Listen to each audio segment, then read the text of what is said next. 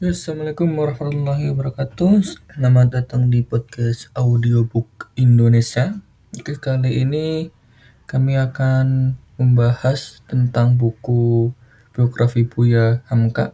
Di sini kami hanya akan memaparkan penjelasan singkatnya, eh, sehingga kami himbau untuk teman-teman semua pendengar setia dari Audiobook Indonesia agar membaca eh, buku bukunya secara langsung ya sehingga di sini kami mengajak teman-teman untuk tetap membaca buku secara langsung. Oke, langsung saja ke materi.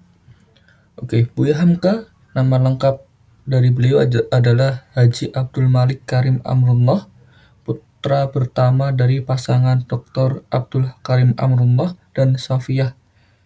Eh, dilahirkan pada 17 Februari 1908 di Maninjau, Sumatera Barat.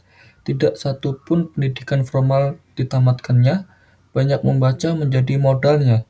Tak lupa belajar langsung dengan tokoh dan ulama, baik di Sumatera, Barat, Jawa, bahkan sampai ke Mekah. Peraih Doktor Honoris Causa dari Universitas Al-Azhar dan Universitas Profesor Mostopo beragama.